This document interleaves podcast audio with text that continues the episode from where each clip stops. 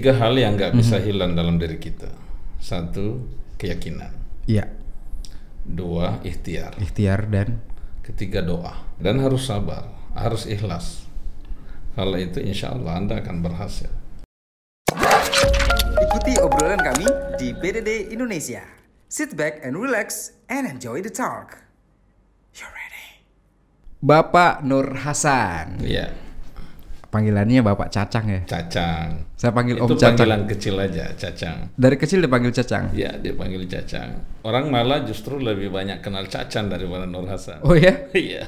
Padahal Nur Hasan itu lebih lebih indah maknanya gitu kan. Cuman Ya. karena lebih familiar dengan Cacang dipanggilnya Cacang. Iya. Apa kabar? Alhamdulillah sehat walafiat. Kelahiran Maros, besar di Maros, asli Maros, tapi justru dompetnya tebal gara-gara di Jakarta ini. Saya sebenarnya meninggalkan Maros itu sudah cukup lama. Mhm. Saya masih kelas 2 SD sudah nggak di Maros. Oke, oke. Dan itu Pesawat ada tuh. pesawat. Itu. Sebenarnya ini potensi juga nih pesawat di atas. Iya. Mem, mem- mem- apa namanya? Menggoyahkan pikiran sebenarnya. Iya. Iya, jadi eh, di Maros dan berhijrahlah ke Jakarta. Ya proses ceritanya sih cukup panjang ya. Saya suka yang panjang-panjang. Pak. Mm-mm. Itu udah tahun kapan tuh? Saya eh, SD tuh sudah nggak di Maros, di Baru. Wow, Ya, SD? kelas, kelas 2 SD sudah di Baru. bisa dengan orang tua. Bisa dengan orang tua, masih kelas 2 SD. Berarti sudah terbiasa mandiri dari kecil dong ya, Bapak Cacang ya, ini? Alhamdulillah, seperti itu. Sebenarnya dibuang juga sama orang tua. Oke, saya suka dengan kata buangnya ini. Kenapa nih? Ah, ah, tapi eh, menurut saya itulah kesuksesan orang tua ya, karena nggak semua keluarga hari ini eh, anak-anak kita itu kan punya potensi banyak sesungguhnya. Tapi di anak-anak sekarang bisa cepat cerdas, pintar, mungkin karena minum makanan sama minumannya. Tapi mentalitas yang kurang. Sementara Bapak ini dibangun dari Salah satu mental. kesuksesan orang tua kita dulu karena memang dari kecil dididiknya seperti itu mandiri. Hmm, Nah, ternyata hikmahnya di situ ya. Nah, lebih survive lah dalam semua situasi. Ini kelas 2 SD, akhirnya Saya di kelas 2 SD sudah di pesantren. Oh, di pesantren. Pesantren. Itu di Baru. Di Baru di Mangkoso. Oke, Sampai tamat SMA malah. Wow. Sampai tamat SMA. Setelah tamat SMA lanjut kuliah Makassar. Mhm. Terus selesai di Makassar, belum selesai sih sebenarnya karena saya cukup lama juga kuliah, 9 tahun 6 bulan. Wow. S1-nya. Wow. 9 tahun 6 bulan 9 S1-nya. Ah, tahun 6 bulan S1-nya cukup lama jadi seorang aktivis. Ini terkatung-katung karena kegiatan lain gitu. Kegiatan ekstrakurikuler Mhm. di luar kampus. Tapi justru itu yang membuat jadi eh, banyak ilmu yang didapatkan dari situ juga. Ya, saya masuk 94 kuliah. Keluarnya cukup lama juga, 2003 akhir, Oke. Desember. Jurusan apa waktu itu? Saya ngambil Fakultas Syariah eh, Peradilan. Peradilan.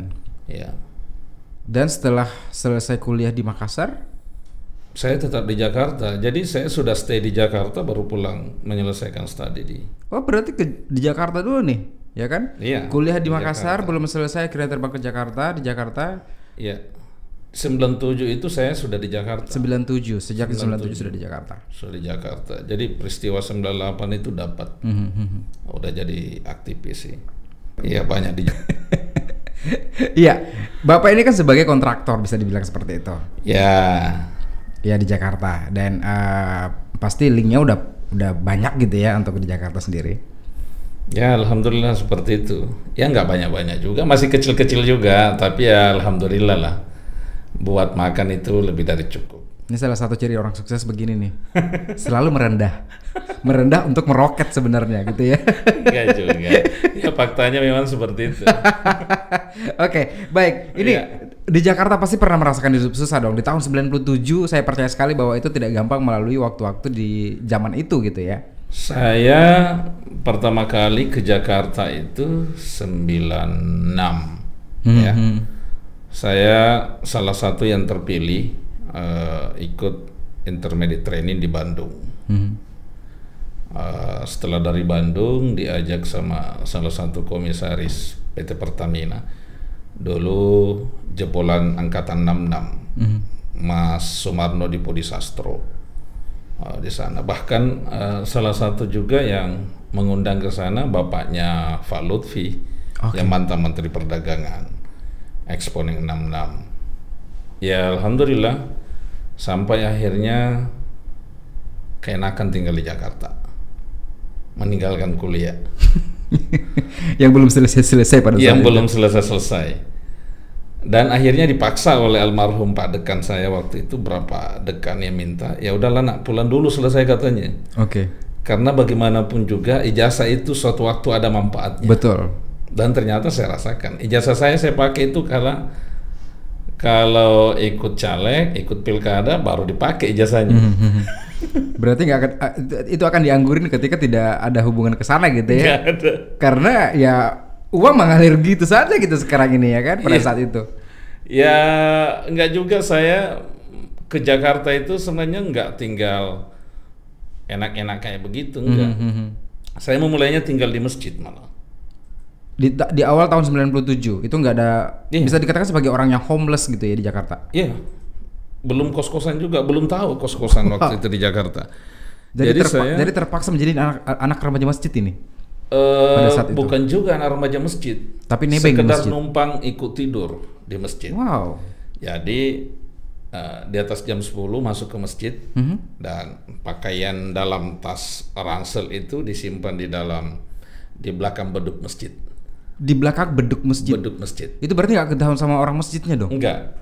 Saya jam 4 sudah harus bangun temani marbot bersih-bersih eh, masjid gitu ya. Sepahit itu gitu ya hidupnya pada Sepahit saat itu. Waktu itu saya hampir dua tahun tinggal di masjid. Dua tahun tinggal di Dua masjid. tahun.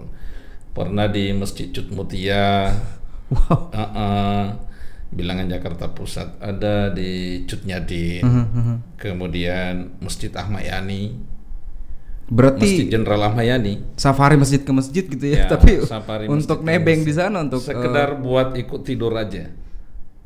makannya gimana pak?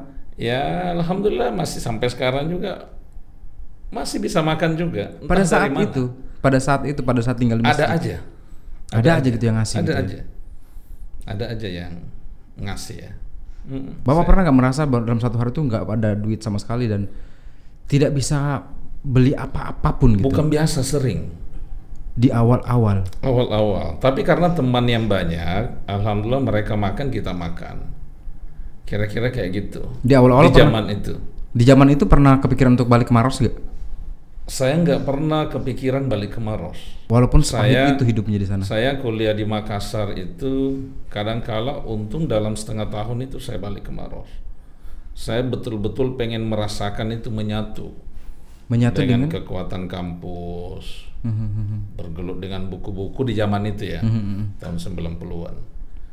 Ya sampai akhirnya ke Jakarta, tinggal di Jakarta dipaksa sama dosen-dosen, sama senior-senior, sama Pak Dekan harus pulang nak selesai. selesaikan dulu untuk dapat ijazah itu gitu Iya. kan. Karena sayang banget ini udah berapa semester lewat gitu kan. saya empat empat tahun lebih draft skripsi saya itu menganggur. Iya, 97 kemudian pindah ke Jakarta dan tinggal di masjid. Yes, Tinggal di masjid selama dua tahun tadi yang cerita. dua diceritakan. tahun. Setelah Training- itu training saya kos-kosan. Ini selama dua tahun di masjid ini belum belum ada penghasilan sama sekali, belum ada uh, kerjaan Belum ada kerjaan yang permanen, belum ada. serabutan ada. Eh, enggak juga. Saya banyak dibantu oleh senior, Oke. sekedar untuk makan ya, Mhm, senior-senior. Ya namanya aktivis memang kayak begitu. Ya. lontang lantung kiri kanan. Tapi setelah itu lama-lama mulai kos-kosan sekitar Salemba. Eh, depan apa rumah sakit apa Tamrin Internasional ya dekat-dekat kampus UI situlah Iya, saya kos-kosan cukup lama di situ Mhm, sampai pindah-pindah juga sih ke percetakan negara. Percetakan negara cukup lama. Jadi beberapa teman-teman aktivis yang ke Jakarta pasti tahu lah di zaman itu. Itu di zaman itu di kos-kosan di Salemba harga berapa ya? Kalau sekarang udah mahal banget ini sekarang ya. Ya kos-kosannya gopeang lah ya 500 500-an. Satu Itu bulan. itu gopean di tahun segitu. Wah itu udah lumayan gede Iya. sebenarnya. Mm. Dibanding sekarang ini ya Salemba dekat kampus UI, perkotaan, Jakarta Yes. Pusat gitu kan. Pasti harga harganya mahal gitu. Tapi eh, kalau sekarang ini apa namanya? perjalanan kisah perjalanan yang tidak eh, segampang yang orang bayangkan mungkin gitu ya. Iya. Di- dilihat dari kehidupan Bapak sekarang dengan dengan eh, bisa dikatakan bahwa di mana-mana orang membutuhkan seorang Bapak cacang gitu kan. Dan eh, pada saat itu melihat proses panjang yang dilewatin dari tahun 97 di Jakarta itu berarti eh, sudah ke sana kemari gitu ya untuk bisa apa namanya berjuang. Ke sana, ke sana, ya ke sana kemari. Saya waktu almarhum Pak Malik Pajar Mhm. eh, jadi Menteri Agama kan dulu beliau jadi Menteri Agama dulu. Mm-mm. Beliau sudah minta saya untuk jadi PNS. Waktu itu untuk jadi PNS kan nggak susah. Tapi tidak pernah terlintas sedikit pun di pikiran saya untuk jadi seorang PNS. Bekerja lepas saja. Sejak itu dan sampai sekarang pun Iya. tidak pernah kepikiran untuk jadi PNS. Nggak pernah, nggak pernah kepikiran.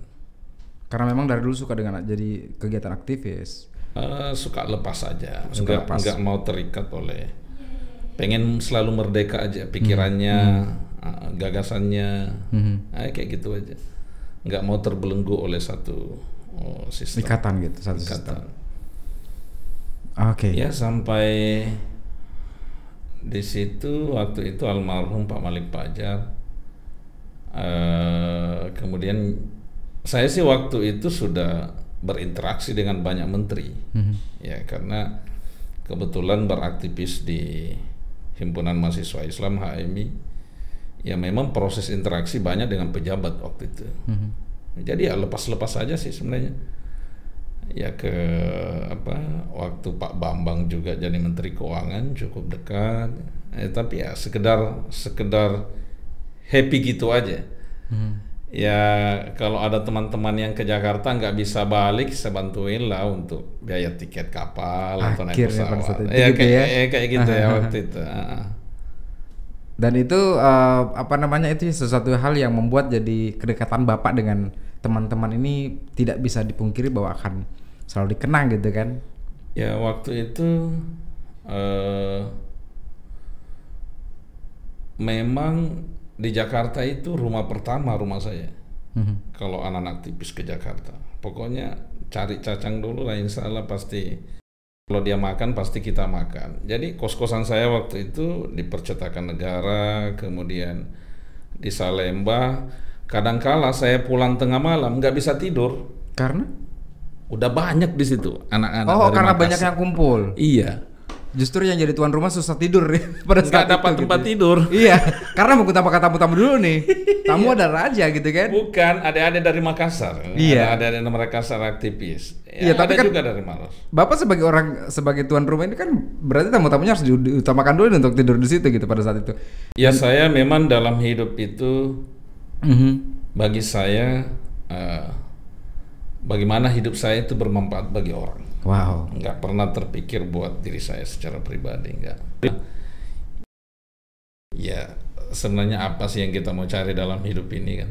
Yes. nggak ada juga orang kaya miliarder juga mati ya segitu-gitu aja juga nggak dia Yang nggak dibawa- dikubur dengan mersinya nggak dikubur Betul. dengan apa. Justru yang dibawa mati nanti adalah doa dari teman-teman itu sendiri gitu ya, Pak ya. Ya itu bagian dari amal jariah sih sebenarnya. Mhm. kita ngasih makan orang alhamdulillah gitu kan. Fasilitasi orang ya alhamdulillah itu. Ya memang saya karena waktu itu oleh para senior di tempatnya begitu. Jadi saya pun seperti itu dalam meniti karir di mana pun ya. Sampai sampai sekarang rumah saya di Jakarta itu adalah rumah kedua dari Wisma Bantimurung. Kalau ada orang Maros eh jangankan orang Maros orang dari Papua dari Sumatera teman-teman kalau ke Jakarta mungkin nggak bisa nginap di hotel atau apa ya saya bilang nginap di rumah aja Oke, saya penasaran dengan satu cerita di di awal tadi barusan. Di tahun 97 Mm-mm. sampai dua tahun ke depan itu akhirnya tinggal di Jakarta walaupun hidupnya itu apa, apa namanya berpindah-pindah dari masjid ke masjid Yes. untuk sekedar tidur saja. ya Ma- Bapak masih ingat nggak first pay yang Bapak dapatkan pada saat di Jakarta dulu? Ya Jumlahnya enggak- berapa? Dan tahun berapa? Enggak, enggak pernah enggak pernah ingat seberapa itu enggak. Karena biasanya nih kalau orang bekerja gitu kan kerja keras apa eh, lama terkatung-katung gitu kan tiba-tiba dapat pekerjaan first pay itu pasti akan selalu dikenang gitu gaji pertamanya berapa dan tam- yang sudah maksimal pada saat itu ya akhirnya mendapatkan hasil sendiri. Saya waktu jadi rekanan di kantor pajak, ah, kantor pusat, gaji pertama saya waktu itu 10 juta. Langsung 10 juta. Yes, 10 juta. Sebagai salah satu komisaris di Oke. perusahaan. Ya saya ingat sih, tapi itu udah cukup lama ya. Udah cukup lama itu gapok saja ya. lama. Belum yang lain-lain ya tambahan-tambahan yang Enggak lain. juga, enggak juga. Oh ya wajar kalau Bapak bisa membelikan tiket orang-orang teman-teman yang pengen pulang gitu kan pada saat itu. Eh, enggak semua murni dari penghasilan saya, enggak juga. Mhm, mhm. Saya bisa mengkomunikasikan kepentingan banyak orang Iya. ke teman-teman yang lain atau ke, atau ke senior yang lain. Saya kira itu aja sih. Ya kalau saya nggak mampu secara keseluruhan, saya minta bantuan. Oh ini ada adik-adik dari Makassar nih. Udah kita urunan gimana nih caranya mereka bisa pulang? Ya kira-kira kayak gitu. Tapi sebenarnya kan rata-rata banyak, nggak satu dua orang. Kalau Iya. satu dua orang sih nggak susah. Pernah menerima mahasiswa dari UMU, Mhm. Umma Maros ini ya. Waktu itu mereka ada KKN atau apa gitu. Tiba-tiba salah satu dosennya telepon saya, "Eh, kami nginep di asrama haji nih, Mhm. eh, Cempaka Putih. Wah saya bilang kalau di asrama haji mah udah dekat banget tuh rumah. Iya, Cempaka Putih ke- depan rumah pas Ma- ah, ah. ya udahlah berapa orang sih bilang kita ratusan ini ya saya pikir ya udah kalian bisa nginap situ tapi makan di rumah aja memberi makan kepada 100 oh, iya kan orang. perempuannya juga banyak yang hadir ya jadi anak bisa bantu. mahasiswi saya bilang yang penting naturanya aja tinggal dimasak Betul, betul, betul. nah, bareng-barengan aja makan di situ Mhm. Datanglah ke rumah Bapak pada saat itu. ya ke rumah di sebelah kan dekat ya ya saya minta security supaya uh, tiga bus itu bisa dibukakan akses dijagain di depan ya Ini Bapak secara tidak sengaja se- sekarang lagi ngobrol dan lagi menyampaikan kepada seluruh orang Maros yang nonton ini untuk datang ke Jakarta, datang ke rumah Bapak. ya nggak apa-apa saya sih Welcome aja gitu ya. 24 jam 24/7 pintu selalu terbuka. alhamdulillah Saya bukan orang saya Maros. suka kalau banyak orang yang datang itu kadang dari Sorong dari Riau dari Oh, berarti saya bisa datang juga dong ya walaupun saya bukan orang Oh Maros iya, gitu ya. Saya nggak pernah membuka pintu rumah saya hanya untuk orang tertentu. Yes. Nggak. Makanya saya pun ke mana-mana di Indonesia ini. Pasti banyak teman. Mungkin ke Singapura, ke Malaysia nggak nggak pernah susah hidupnya. Banyak teman. Ini Ya, ini hidup itu kan yang penting banyak teman, silaturahminya bagus, urusannya lancar, rezekinya pasti ada kan. ini inspiratif banget sebenarnya dari dari cerita Bapak barusan ini adalah jangan pernah berhenti berbuat baik kepada orang. Gitu kan. Yes. Karena itu amal jariah yang pertama, yang kedua adalah membangun link dan ya punya banyak teman di mana-mana gitu kan. Enggak hidup itu kayak gini ya. saya pun tidak pernah orang terpikir bisa tinggal di Jakarta. Saya pun saya anak anak desa gitu ya, orang desa gitu. Kemudian ke Jakarta itu bukan bukan siapa-siapa gitu. Dulu kadang-kala saya waktu kuliah eh, saya jual ikan karena saya numpang ikut di rumah teman. Jadi jam 3 Sempat subuh juga. saya saya ke pelelangan ikan di apa namanya di Pautere. Dan dan pagi harinya saya menjual ikan bersama teman. Kami ada sekitar 20-an orang. Di situ sebenarnya banyak anak orang kaya juga, tapi memang suka mereka ngumpul di satu rumah. Ya.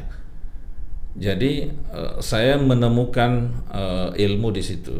Ada pesan orang tua yang saya temukan di situ bahwa di rumah itu tiap orang yang datang dalam hitungan menit paling tidak air tehnya sudah atau kopinya sudah ada yang keluar. Dan setiap tamu yang datang itu wajib makan baru dia pulang. Kalau dia untuk beberapa menit dia tinggal. Alhamdulillah itu jadi inspirasi buat saya. Jadi ketika saya di Jakarta, ketika di Maros ya melakukan hal yang sama, kan itu kebaikan gitu Betul. buat orang dan itu menginspirasi saya. Jadi waktu itu kami tinggal di tempat itu, eh, saya boleh dikata meskipun jarak rumah antara Maros Makassar itu dekat, tapi jarang banget saya pulang ke ke Maros. Malah kadangkala pakaian hari ini yang saya pakai, besoknya teman yang pakai, lusanya lagi yang lain yang pakai, kayak gitu, gitu. Sampai celana dalam, pakaian dalam, gila nggak itu? Itu udah parah Dan banget kita menurut nggak ada, kita nggak ada masalah, Tetap happy aja. wow. Ya sekarang ada yang jadi ketua pengadilan, Hmm. ada yang jadi pengusaha, ada yang jadi uh, traveling dan sebagainya. Ya lumayan lah, senang lah dengan situasi-situasi kayak gitu. Ya dan eh, oke. Sekarang masih ada nggak sih impian yang belum dicapai sampai saat ini? Ini kan Impian kalau- saya, Seorang pengusaha sukses banget menurut saya pribadi. eh saya nggak pernah berpikir buat diri saya sesungguhnya. Ada impian saya soal Maros sebenarnya, Mhm. bahwa Maros ini punya potensi yang cukup besar, Mhm. beautiful betul. Dengan alam. pariwisatanya, alamnya, tiga dimensi yang dimiliki, Uh, laut, darat, pegunungan, bahkan udaranya. Ya, Maros itu uh, kalau kita baca Tribun dua minggu yang lalu, Mhm. Itu dal 2021 yang akan datang Maros itu orang yang berkunjung ke Maros melalui Bandara Sultan Hasanuddin itu kurang lebih 15 juta per tahun. per tahun. Bisa dibayangkan betapa besarnya. Dan kita cuma jadi penonton aja. Betul.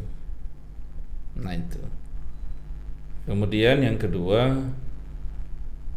saya selalu berpikir bahwa potensi bandara yang begitu besar, masa anak-anak Maros ini jadi penonton di daerahnya sendiri. Dan itu yang menginspirasi saya selama ini terjun di dunia politik, baik sebagai calon bupati atau calon DPR RI. Tapi bagi saya nggak nggak pernah masalah sih jadi atau tidaknya karena ada gagasan, ada ideologi yang saya perjuangkan dan itu harus jadi kenyataan. Tapi sebagai masyarakat Maros pasti ada harapan besar untuk eh, apa namanya ke pemerintah dan juga SDM SDM yang ada di Maros gitu pak ya. Sangat, sangat. Eh, ekspektasi saya soal Maros itu sangat luar biasa. Pertama, eh, pembangunan sumber daya manusia. ya. Saya cukup miris eh, karena teman saya ada salah satu oh, pimpinan rektor ya, pembantu rektor di salah satu universitas di Maros ini. Dan ketika dia bicara dan beberapa warga masyarakat menghubungi saya, ini nak eh, kemanakan kamu itu dia harus apa namanya? Beberapa orang menelpon saya, Pak ini bisa nggak dilobikan sama pimpinan rektoratnya? Ini anak saya nggak bisa menyelesaikan studinya, dia terancam DO gitu ya, drop out. Terus saya hubungilah beberapa orang-orang yang punya kompetensi di dalam. Oh si ini bla bla bla. Dia bilang iya memang ada puluhan anak-anak. Ya miris juga sih dengarnya, karena potensi Maros yang begitu besar, masih ada juga orang uh, Yang tertentu terketuk- yang tidak bisa uh, menikmati pendidikannya dan itulah sebenarnya yang saya ingin perjuangkan selama ini. Selalu ingin maju. Meskipun belum pernah terpilih ya baik sebagai calon DPR RI maupun sebagai calon bupati. Maka ketika ketemu salah satu kandidat Pak Tajrimin eh, berdiskusi di Jakarta di salah satu mall di bilangan Jakarta Pusat ya di Senayan City. Hampir tiga jam kami diskusi dengan beliau. Dan saya sampaikan sama beliau kalau bapak bisa memperjuangkan soal sumber daya manusia, peningkatan sumber daya manusia di Maros, saya nggak maju, saya akan bantu bapak. Terus apa aja?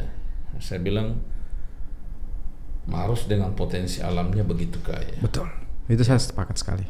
eh, apa kurang lebih seribu 700 pesawat dalam satu hari satu malam dikontrol dari Bandara Sultan Hasanuddin Iya. melalui ATC-nya. Dan kita cuma dapat suaranya sama eh, apa? eh, cuma dapat suaranya, cuma dapat ya emisinya. Mhm. Saya bilang kita nggak bisa diam.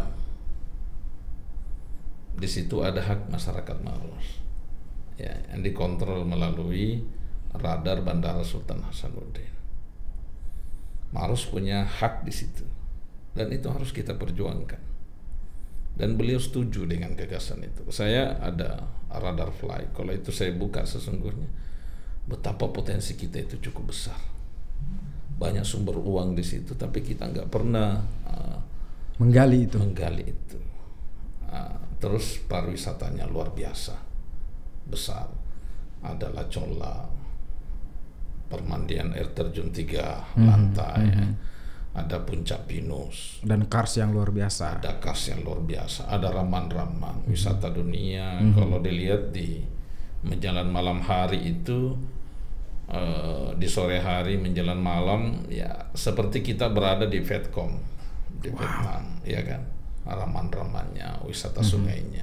Padahal orang-orang di luar dari Maros itu banyak yang berpikir bahwa Maros itu identik dengan objek wisata Bantimurung saja sebenarnya. Padahal kalau kita eksplor banyak banget. Ya nggak pernah dieksploitasi. Mhm. Makanya dan ada problem di Maros sebenarnya. Satu soal eh, koneksi segmen-segmen pariwisata itu satu dengan yang lain ya. Kemudian infrastrukturnya, perhotelannya. Orang hari ini ke Raman-Ramang satu jam di Raman-Ramang sudah nggak betah. Kenapa? Nggak ada tempat untuk nongkrong di situ. Ngopi kayak apa kayak Dan itu harusnya wisata ada. kuliner kayak apa kayak atau ada perhotelan kayak atau apa gitu Biar orang nggak jenuh di sana gitu ya ya. biar nggak jenuh padahal itu potensinya besar. Ya kan? Mhm. saya malah menghitung eh, bulan lalu saya sempat ke Malino gitu ya. Saya berangkat hari Jumat. Dan hari Jumat sore ke Malino itu padatnya bukan main. Orang berakhir pekan di Berbondong-bondong ke Malino. berbondong-bondong. Ribuan. Itu biasa sampai 5000 kendaraan di Di Malino yang antri sampai ke atas gitu ya, ke puncaknya. ya dan saya melihat kenapa Maros jadi penonton gitu Iya. kenapa nggak ngambil bagian dari uh, uh, dari situ 2 juta orang di Makassar itu 2,5 persen itu klaster menengah ke atas yang kelebihan uang Mhm. yang kira-kira di akhir pekan mereka uh, stres, mereka apa ya, ada kelebihan uang, mereka mau berkuliner bersama keluarga, mereka mau berwisata, itulah yang ke Lombok, Mhm, itu yang ke Bali, yang ke Bandung gitu ya, itu yang ke Singapura, ke Jakarta, ke Bogor dan seterusnya dan seterusnya. Kenapa Maros nggak ngambil bagian dari itu? Padahal Maros ini sudah diberikan modal alam yang begitu indah, tinggal Indah dieksplor sekali. aja gitu kan. Indah sekali, sangat indah sekali. Kita ada wisata Raman-Ramang, Mhm. ada wisata Kars, ada Leang-Leang, ada Taman Kupu-Kupu, ada Bantimurung, Mhm. ya, ada Lembang di Simbang, ada Lacolla di Cendrana, oke, ada Puncak Pinus di Cendrana, ada permandian air panas di Malawa, ada Tangga Seribu di Malawa, ada pinggiran pantai pasir putih di Kuricade beautiful. Tapi nggak terkelola dengan baik. Saya bilang sama Pak Tajrimin Pak kalau itu bisa dieksplorasi dengan baik apa namanya eh, infrastrukturnya dibenahi wisata kulinernya dibenahi oke perhotelannya dibenahi. Seribu aja yang masuk setiap akhir pekan. Seribu kendaraan maksud saya mau motor mau mobil. Dia nginap di Maros. Rata-rata satu mobil menghabiskan uang satu juta. Mhm. itu kan? Kali seribu satu miliar kan? Satu miliar dalam satu dia malam belum saja. belanja loh. Betul. Dia belum beli baju Mhm. dia belum eh, makan gitu ya Dan membantu dia, juga eh, dia belum beli oleh-oleh betul membantu orang-orang masyarakat sana gitu. lah ekonomi pasti tumbuh lah Sangat kalau itu. perputaran ekonomi makin makin Lah banyak iya. gitu kan. coba di, bisa dibayangkan ya seribu orang Mhm. atau seribu kendaraan kali kali sejuta gitu ya satu miliar kali sebulan 4 miliar 12 bulan dalam setahun 24 miliar baru satu item gitu Baru satu objek wisata, belum objek wisata yang lain. belum yang lain Sementara kalau kita mohon maaf nih, kalau kita tadi Ya. berpikir bahwa Makassar yang eh, banyak orang kelas menengah atas yang habiskan waktu dan uang untuk liburan ke luar eh, provinsi bahkan gitu ya. ya Dan ini kita bisa lihat bahwa sebenarnya jarak dari Makassar ke Malino dibanding ke Maros itu lebih, dekat lebih Maros. lebih dekat Maros sebenarnya ya kan keluar tol nyampe Maros gitu dan ya. alamnya di Iya. Maros. Cuman karena kurang dipercantik aja mungkin. Iya, belum di Belum belum, digarap. dikelola, belum dieksplorasi dengan baik. Itu potensi yang dimiliki Maros. Dan orang ke Jogja coba. Pertanyaan Mas apa yang pertama kalau ke Jogja? Ngapain? Enggak dong. Bos beli oleh-oleh ya. Oh, apa pasti. tuh? Dagadu.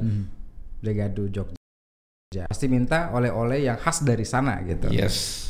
Iya kan? Hmm, ah, ah, ah. Nggak pernah minta makanan kan? Betul betul. Bos betul. lagi di Jogja nih gua nih. Oke, eh. Legado dong. Nitip satu baju ya, Dagadu ya. Oh iya oke. Kira-kira gitu. Apa bedanya dengan Maros? Ada banting murungnya, Hmm. ada raman-ramannya, home industry didorong. Untuk itu, benar nggak? Ada lacolanya dan sebagainya. Itu satu ya, baru satu sektor. Yang kedua sektor pertanian. Sektor pertanian ini potensi Maros luar biasa besar. Hmm. Saya malah menghitung satu kali kita panen raya triliunan rupiah bisa kita dapatkan dari satu komoditi namanya beras. Mhm. Dengan catatan benahi sumber-sumber airnya, irigasinya. Kan aneh Maros ini sebenarnya. Dua juta orang di Makassar itu minum dari Maros. Orang Maros sendiri kesulitan air bersih di skala kemarau seperti hari ini. Kan itu problem. Kenapa gitu? Karena tidak terkelola dengan baik. Padahal potensi kita itu besar. Maros itu salah satu sumber air terbesar. Karena karsnya Kita memiliki kars, gitu ya. Kita di dataran rendah dari dari Bone, dari Goa, dari mana itu mengalirnya ke Maros gitu. Karena itu sepanjang umur saya nggak pernah mendengar Bantimurung itu kering. Pernah nggak dengar? nggak pernah. Nggak pernah kan? Artinya apa? Bantimurung itu potensi sumber daya air yang besar. Tapi kan Maros ini nggak punya eh, tempat fasilitas untuk eh, apa namanya eh, penampungan air. Wadahnya nggak ada. Wadahnya nggak ada. Jadi dia mengalir sia-sia begitu aja ke sungai. Mhm. Di Terbuang. kala gitu. pagi dan sore bercampur dengan air laut karena pasang kan. Terbuang sia-sia. Padahal kalau itu kita benahi, bendungannya ada dan anggarannya ada. Bukan Oke. tidak ada. Anggarannya ada, tapi kenapa nggak dibuatin gitu? Soal kemauan, Karena kemauannya itu. soal leadership ini. Jadi bupati ini soal niat aja sebenarnya. Mhm. Kenapa? Lah, kau mengelola ini bukan pakai duitmu, bukan duit nenek moyang. Tapi duit negara yang sudah disiapin. Lah itu uang rakyat. Mereka tiap tahun bayar pajak. Mhm, Kita tiap tahun beli pa bayar pajak kendaraan, Mhm. pajak tanah, pajak sawah, pajak rumah. Beli rokok aja ada cukainya, bener nggak? Betul betul. Iya. Jadi mereka punya hak difasilitasi. Untuk menikmati Nah. itu semua.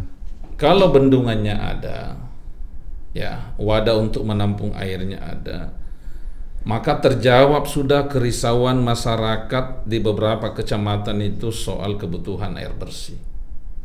Bontoa, Lau, Maros Baru, Maroso, pasti terpenuhi air bersih. Otomatis kok itu. Dan bagi petani ada irigasi. Mereka bisa panen raya tiga kali dalam satu tahun. Karena saya hitung-hitung 20 hektar sawah di Maros ini luasnya mungkin masih ada ya. Itu kalau satu kali panen raya dikelola dengan baik bisa triliunan rupiah, bisa sampai dua setengah triliun satu kali panen raya, Satu kali panen raya saja. dua setengah triliun. Bisa dibayangkan kalau tiga kali betapa sejahteranya para petani itu. Iya, betul. Baru satu komoditi. Pasarnya ke mana? Makassar. Dua juta orang di Makassar tiap hari mau makan tiga kali kok dalam satu hari. Maros ini bisa dikatakan bahwa sebuah kota kabupaten yang bisa lebih kaya lagi gitu ya Ya dibanding- kita kota satelit. Hmm, betul. Oke, menempatkan Maros itu sebagai kota satelit. Dia penyangga ibu kota uh, Makassar. Itu yang tidak pernah dieksplor gitu ya. Makanya ketika diskusi dengan Pak Tajer Imin ketemulah itu. Dan setuju kita. Karena apa yang apa yang saya cita-citakan, apa yang saya harapkan terjawab di situ. Ya udahlah saya bilang saya nggak maju, saya bantu. Bapak dan saya tidak tidak tinggalkan Maros, saya tinggalkan Jakarta, tidak pulang ke Jakarta sampai Anda terpilih jadi bupati. Dan ketika beliau terpilih nanti jadi pemerintah baru nih untuk di Waktu Maros, otomatis Bapak akan selalu mengambil, mengambil andil gitu ya. Bapak Cacang akan selalu Eh saya nggak mau memposisikan diri sebagai kosong-kosong enggak lah. Ya enggak, bukan itu. Maksudnya adalah Saya memfasilitasi aja. iya, tetap paling sebagai tidak masyarakat gini, Maros, gitu kan? Saya buatkan konsepnya, gagasannya. ah, That's what I mean. dia harus ketemu dengan siapa, Betul, dari betul, mana sumber keuangannya, gimana cara bisa ketemu menterinya. Mhm. Posisi saya di situ aja lah menjembatani karena dia menjadi bupati kalau dia laksanakan paling tidak ada hasil karya juga saya di situ. Betul. Meskipun dalam bentuk gagasan, Konseptor bukan bentuk gitu kan. kebijakan. Iya. Jadi saya ada udah konsep bersyukur. ditawarin. Bagi saya itu udah jadi amal jariah lah. Betul. Kalau suatu waktu umur kita nggak panjang, Hmm. orang bisa mengatakan ya bendungan ini ada karena pikiran kita juga ada di situ. Dan akhirnya bisa dijadikan sebuah cerita wacana kepada eh, anak cucu nanti gitu ya. Ya, saya nggak pernah terpikir untuk mengambil manfaat secara pribadi, karena pada akhirnya kan eh, masyarakat Maros sangat membutuhkan itu dan mengimpikan, memimpikan itu sebenarnya sekian lama ya. Itu baru satu komoditi, Ya. dua komoditi ya. Tadi pariwisata, eh Dan juga tadi pertanian. sudah tiga sebenarnya. Per- Ada pariwisata, bandara, bandara, pariwisata, dan pertanian. pertanian. Mhm. Dua juta orang di Makassar itu mau makan tiap hari loh. Tiga kali dia dalam satu hari makan Yes. kan. Sarapan, makan siang, makan malam. Mhm. Ya kan? Dari dua juta itu mereka butuh mengkonsumsi daging. Mhm. Ya, mau daging sapi, daging kambing, kerbau, ataupun dari jenis-jenis unggas yang lainnya seperti bebek, ayam. Dan peternak dari Maros juga tidak bisa dipandang sebelah mata. Banyak juga Maros bisa mengambil andil di situ Sangat bisa. sebagai kota satelit. Mhm, Ya beberapa kecamatan bisa untuk penggemukan sapi, penggemukan kerbau. Ya ada empat kecamatan lah, Tompo Bolo. Ya, oke. Ini berarti eh, sudah jelas ya. Saya tarik kesimpulan bahwa sebenarnya Bapak Cacang ini punya eh, harapan besar karena Bapak se- sebagai orang yang lahir dan besar di Maros, walaupun lama berkecimpung di Jakarta, berkarir di Jakarta, tapi tidak pernah lepas pem- pemikirannya untuk bisa mengembangkan Maros itu sendiri. Ya saya melihat Maros itu dari luar. Mhm. Di situlah bedanya kita. Saya melihat Maros dari luar ya. Ah, saya memotret Maros dari Jakarta dan informasi-informasi itu selalu update lah masuk.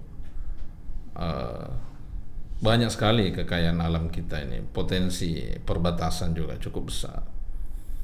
Ya bagi milenial sebenarnya membutuhkan ada tempat nongkrong karena selama ini orang-orang Maros itu dia bekerja dari Senin sampai Jumat, tapi Sabtu Minggu mereka menghabiskan uang di Makassar.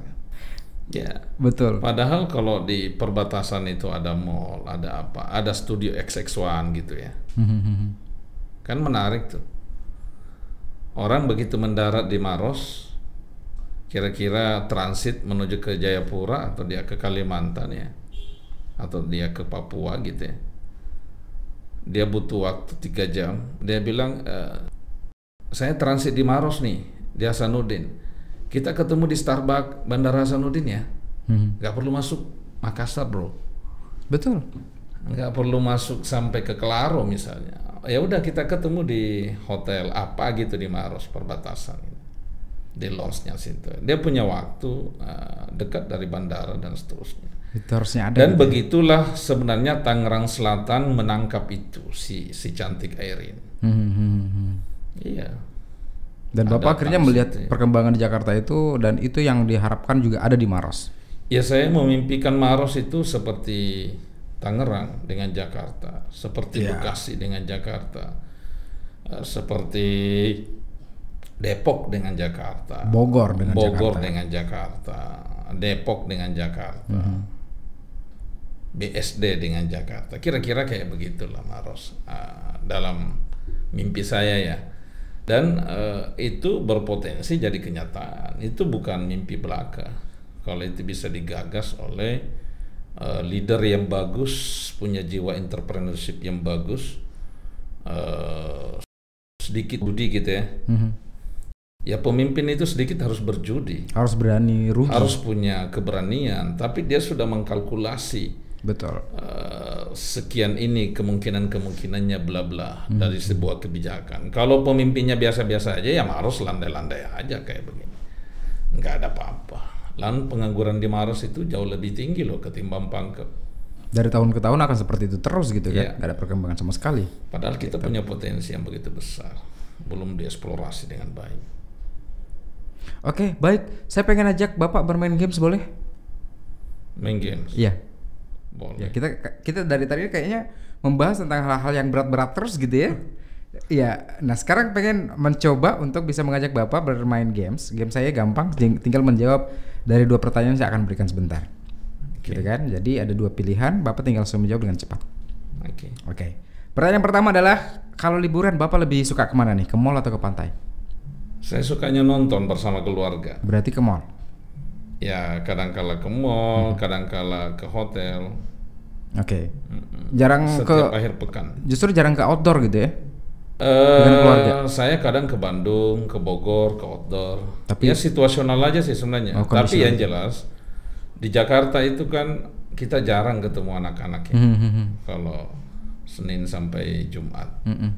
mereka beraktivitas di mana gitu. Mm-mm. Kita Oke. di mana? Ya, yang berikutnya adalah barang branded atau tidak branded. Biasa-biasa aja. Ini baju harga berapa nih? Enggak. Ini harga mahal nih kayaknya. Enggak. Habis ini copot ya. Lumayan buat hostnya jual. Oh iya, boleh. Jadi pre-love pre-love gitu kayak selebgram selebgram. Yang berikutnya adalah film luar negeri atau dalam negeri nih?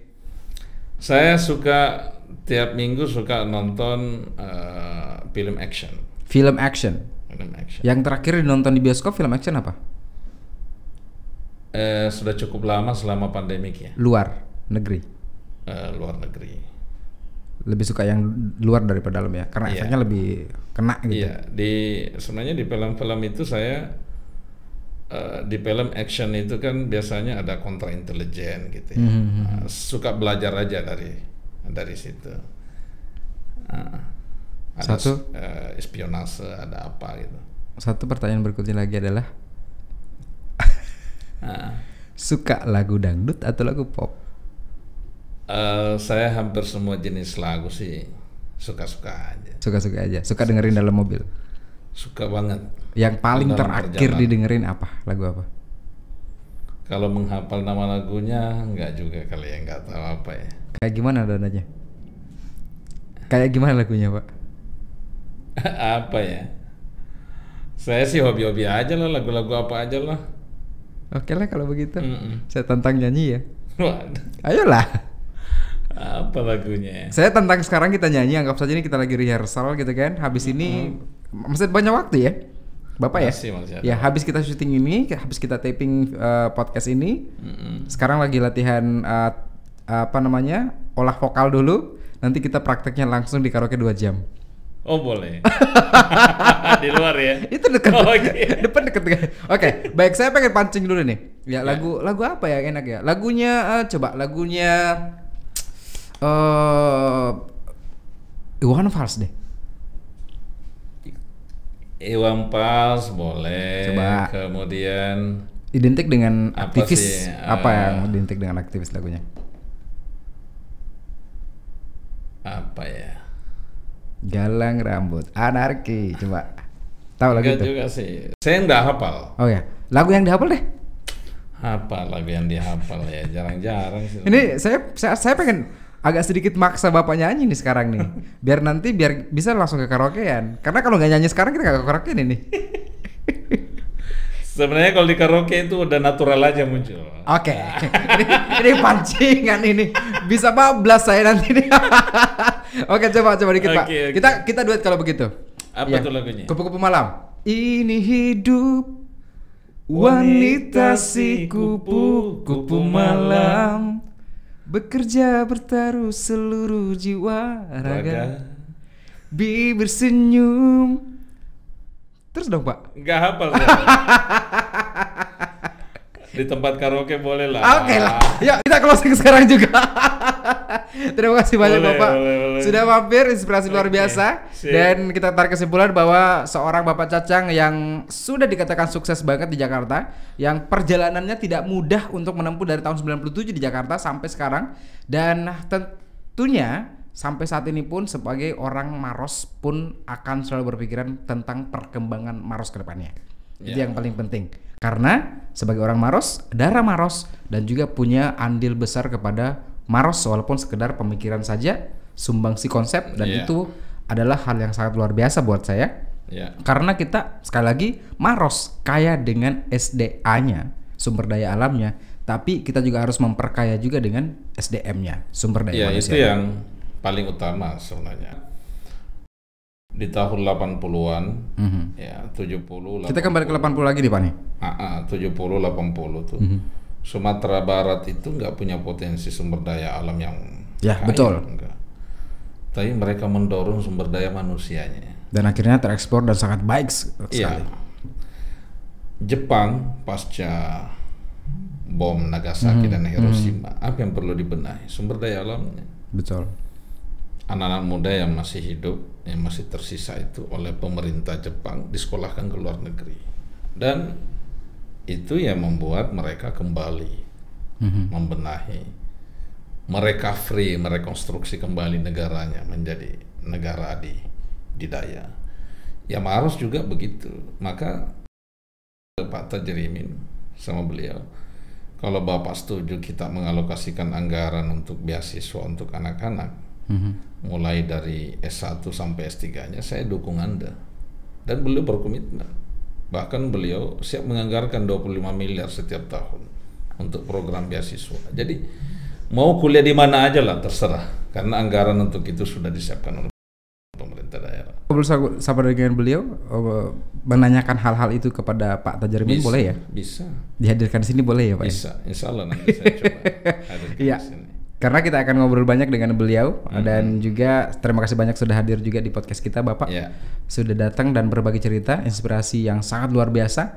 Karena tahun 97 saya tidak membayangkan seorang Bapak Cacang hidup terkatung-katung tinggal di masjid-masjid bahkan keliling-keliling masjid untuk sekedar hidup dan untuk bertahan tidur saja gitu ya. Ya di Jakarta. Itu luar biasa dan proses panjang, perjalanan yang tidak gampang dan akhirnya membuat Bapak ini tidak sangat gampang menyerah sampai saat ini bisa dikatakan pulang dari Jakarta merantau balik ke kampung halaman sendiri di Maros dan akhirnya pengen menyumbangsikan konsep ataupun hal-hal yang sudah didapatkan materi-materi yang sudah didapatkan dari em, luar Maros itu sendiri. Ini hal yang luar biasa dan tentunya sangat menginspirasi buat banyak orang terutama anak muda-anak muda di Maros kaum milenial gitu kan karena mungkin banyak yang merasakan me- eh, beranggapan bahwa aduh saya nggak berani berangkat ke Jakarta gitu kan mau makan apa segala macam tapi bapak menunjukkan hari ini bahwa ya semuanya pasti akan sulit di awal tapi akan indah pada akhirnya itu yang paling Ya. luar biasa Tiga hal yang nggak bisa Mhm. hilang dalam diri kita. Satu, keyakinan. iya Dua, ikhtiar. ikhtiar dan Ketiga, doa. doa Dan keyakinan ikhtiar doa Ya, dan harus sabar, harus ikhlas. Kalau itu insya Allah Anda akan berhasil. Anda akan sukses. Jadi saya pun berharap eh, Bro Ensis Milenial Marus iya masa depan Anda eh, ada dengan anda sendiri ya ada di tangan Anda sendiri dan masa depan Marus ada di tangan Anda juga ya ke depan. Ayo ngambil bagian dari proses ini. Nggak boleh tinggal diam. jangan tidak menggunakan hak suara anda Ya, itu menja- Harus itu yang menjadi penentu betul. karena banyak sekarang anak milenial yang tidak menggunakan hak suara tapi pote-pote setelahnya tapi Ya. malah eh, ngomong sana sini gitu kan Betul. Momentumnya ada tanggal 9 sebenarnya. Mhm. 9 Desember itu yuk kita ke TPS. Cari yang terbaik. Cari yang terbaik. Pelajari gagasannya, pikirannya, visi misinya. Karena tiga-tiganya ini adalah calon-calon yang baik, Iya. tapi kita mencari yang terbaik. Yang terbaik. Oke, terima kasih banyak Oke, Bapak sudah banget. mampir. Yang paling penting adalah sehat selalu. Sehat. Itu yang utama. Itu yang utama. Kunci sehat itu jangan ada beban pikiran. Oke. Saya nggak, alhamdulillah begini-begini aja nih dari dulu. Saya nggak mau terbebani. Mhm. Saya nggak mau dalam tekanan. Kalau ada pekerjaan yang saya nggak bisa selesaikan, saya diamin aja dulu. Betul. Saya enjoy dulu. Oh mungkin sebentar atau besok saya baru bisa menyelesaikan. Jadi hidup jangan dalam tekanan. Enjoy. Enjoy. Seperti slogan Jalanin aja bro. seperti slogan iklan gitu Pak ya. Enjoy aja. Terima kasih banyak. Oke, Beda dari thank Indonesia you. Inspirasi itu Kanda. Jangan lupa subscribe dan jangan juga lupa untuk uh, tinggalkan jejak di kolom komentar. Zikal pamit mundur. Sampai jumpa.